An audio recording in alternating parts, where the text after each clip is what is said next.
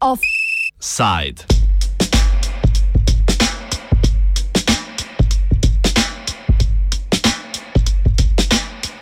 Denar ali premog.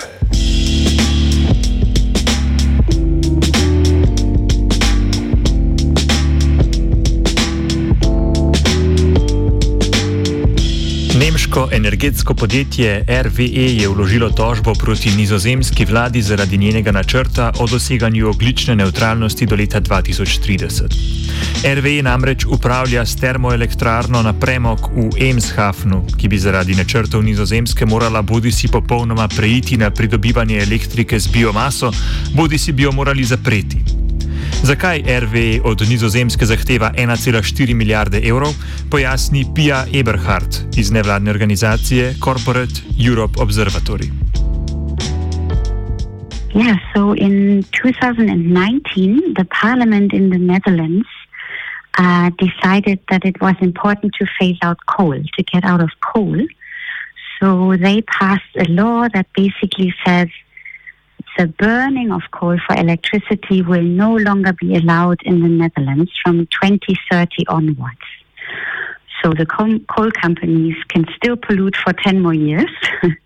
I would say it's a very reasonable measure, but still the coal companies are not happy with it. And now one of them, the dirtiest, you can say, uh, RWE from Germany, is suing the Netherlands and wants 1.4 billion euros in compensation because this law, this Dutch law, will mean that one of its coal fired power plants can no longer burn coal. So it's a direct attack, I would say, on Dutch climate policies, uh, but also uh, could become a very costly lawsuit for, for Dutch taxpayers. V okoljevarstveni organizaciji Friends of the Earth menijo, da je tožba iz več razlogov neutemeljena. Komentira Paul de Clerck iz omenjene organizacije. Um, we think that that is completely unjustified uh, for several several reasons. Uh, first of all, uh, when RWE opened the power station, they knew already that coal is very climate damaging, and they could have expected that governments would uh, start taking uh, measures that, that would restrict the use of coal.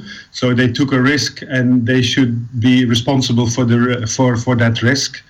Uh, secondly, uh, they don't have to uh, close the uh, the power station. They only cannot use coal anymore, but they could use other sources like biomass, which they claim that they want to do anyway. They could claim they could use other sources. So uh, it's not that the Dutch government tells them to close the plant; it only tells them to not use coal. And thirdly, uh, the Dutch government has offered them compensation. Uh, the, the the government itself was talking about half a billion, which anyway is already an enormous amount of money.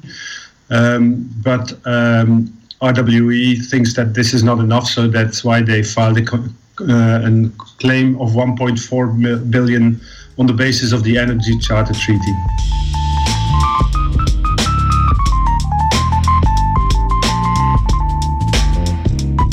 Energetski listini, aha, v osrčju spora je pogodba o energetski listini, krajše ECT. Gre za mednarodni dokument, ki ga je v času po razpadu Sovjetske zveze podpisalo več kot 50 držav, med njimi tudi Slovenija. Več o tem Eberhard.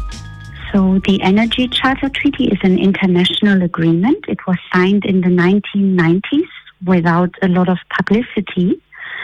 Um, back then, the context was that Western European states like the Netherlands or the UK, they wanted to protect their companies. So, for example, Shell or BP, so big oil, coal, and gas companies, when they invested in the former um, Soviet Republic states, so mostly in Eastern Europe and in Central Asia. Uh, and in the past years, we have seen how this treaty is now being used against Western European states like the Netherlands or Germany or Italy. Uh, and sometimes for enacting, you know, environmental legislation or legislation that will actually help uh, tackle climate change. Uh, and this is why the treaty, while no one really cared in the 90s when it was signed, is becoming more and more controversial. And we now have climate scientists, many parliamentarians, and many civil society groups are calling on the EU and its member states to get out of the agreement.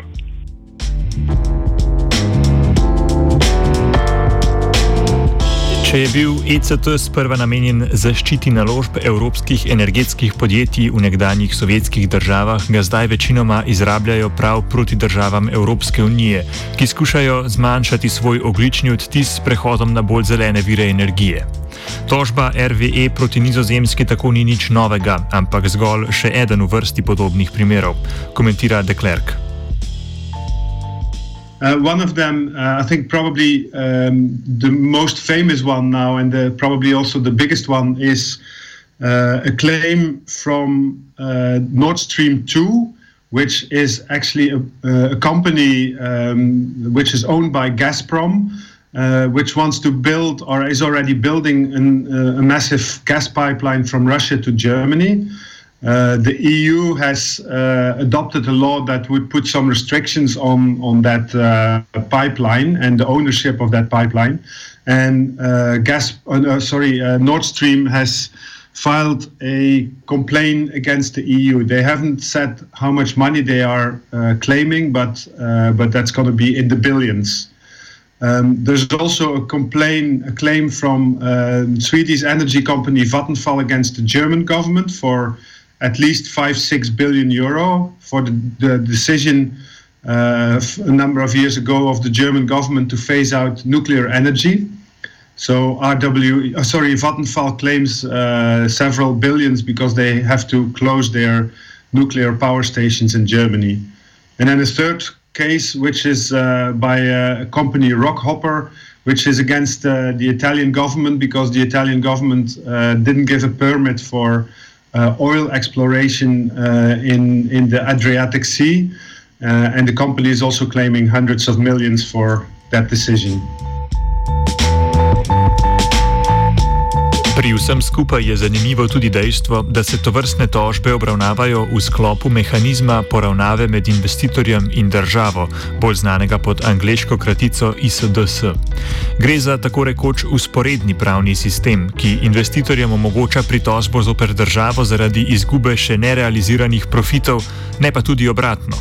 Arbitražni mehanizem razloži Fabian Flues iz nevladne organizacije PowerShift. And so these are special courts that only exist for foreign investors. So if I'm a foreign company in a country, uh, then I can go to a court like this um, or to a tribunal. Um, anyone else, so citizens, um, environmental groups, or um, local companies, they can't go to these arbitration tribunals. And the difference to a normal court is that the um, the investor, the foreign company that is going there, can actually choose some of the people who decide the case. So they can pick their own judges, and the compensation they can reach there is usually much higher than what they can get in a normal court. Because when they go to these arbitration tribunals, what they can ask for is to be compensated for the profits that they didn't make. And often this is much more difficult to do under a national law or under a national constitution. But these uh, tribunals often give companies very large amounts of compensation. Um, and they're also very intransparent. Often we don't really know uh, what's going on in these tribunals, even what cases are actually there and are, are being decided and, and negotiated. Primer obravnava šest pravnikov. Tri določi tožeča stranka, običajno energetsko podjetje, tri pa država, zoper katero je uložena tožba. Pritožba na končno odločitev arbitražnega sodišča ni možna, njeno spoštovanje pa je ratificirano v razno raznih mednarodnih sporazumih. Večina primerov, tako je Berhard, je rešena v korist korporacij. Well, we, many of these cases are still ongoing. Uh, so they haven't been decided. Um, and about the decided cases, one can say that around 60% of the cases um, are either won by the investor, so that means that the tribunal says, yes, investor, you are right, you will get so and so much money, or they are settled. Uh, so that means the government says, okay, we want this case to be out of the way, we pay you a little bit of money in a settlement, or we change the rules uh, like you wanted to. So it is a it is a regime that is quite beneficial for investors. V zadnjih časih se v luči pariškega okoljskega sporazuma in prizadevanj EU za prehod k obnovljivim virom energije porajajo vprašanja, kako to vrstne politike uskladiti z ECT. Nekatere države tako razmišljajo o odstopu od sporazuma, nekatere, naprimer Italija, pa so to že storile. Več pove Eberhard. In recent years, there have been many lawsuits under the Energy Charter Treaty against EU member states, uh, like Spain, for example, uh, like Germany, uh, like now the Netherlands. And this is why more and more EU member states are waking up and are seeing the risks of this agreement. And we now have Spain and France in particular, but also Luxembourg and Aust- Austria as countries uh, that say, wow, we really need to change this agreement uh, to make it compatible with, with the Paris Agreement on climate change. And if that is not possible, we need to leave the agreement. There is one member state that actually already left, Italy. It left um, the Energy Charter Treaty in 2016 after having been sued.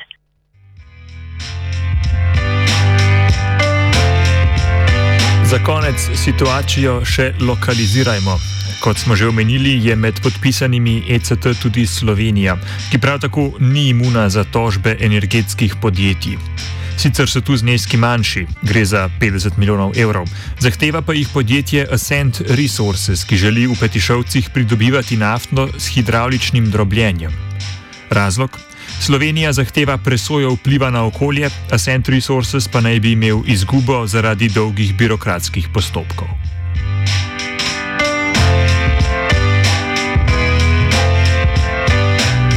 Pogodbo o offsajdu sta kršila vajenka Urška, Urša in Svetina.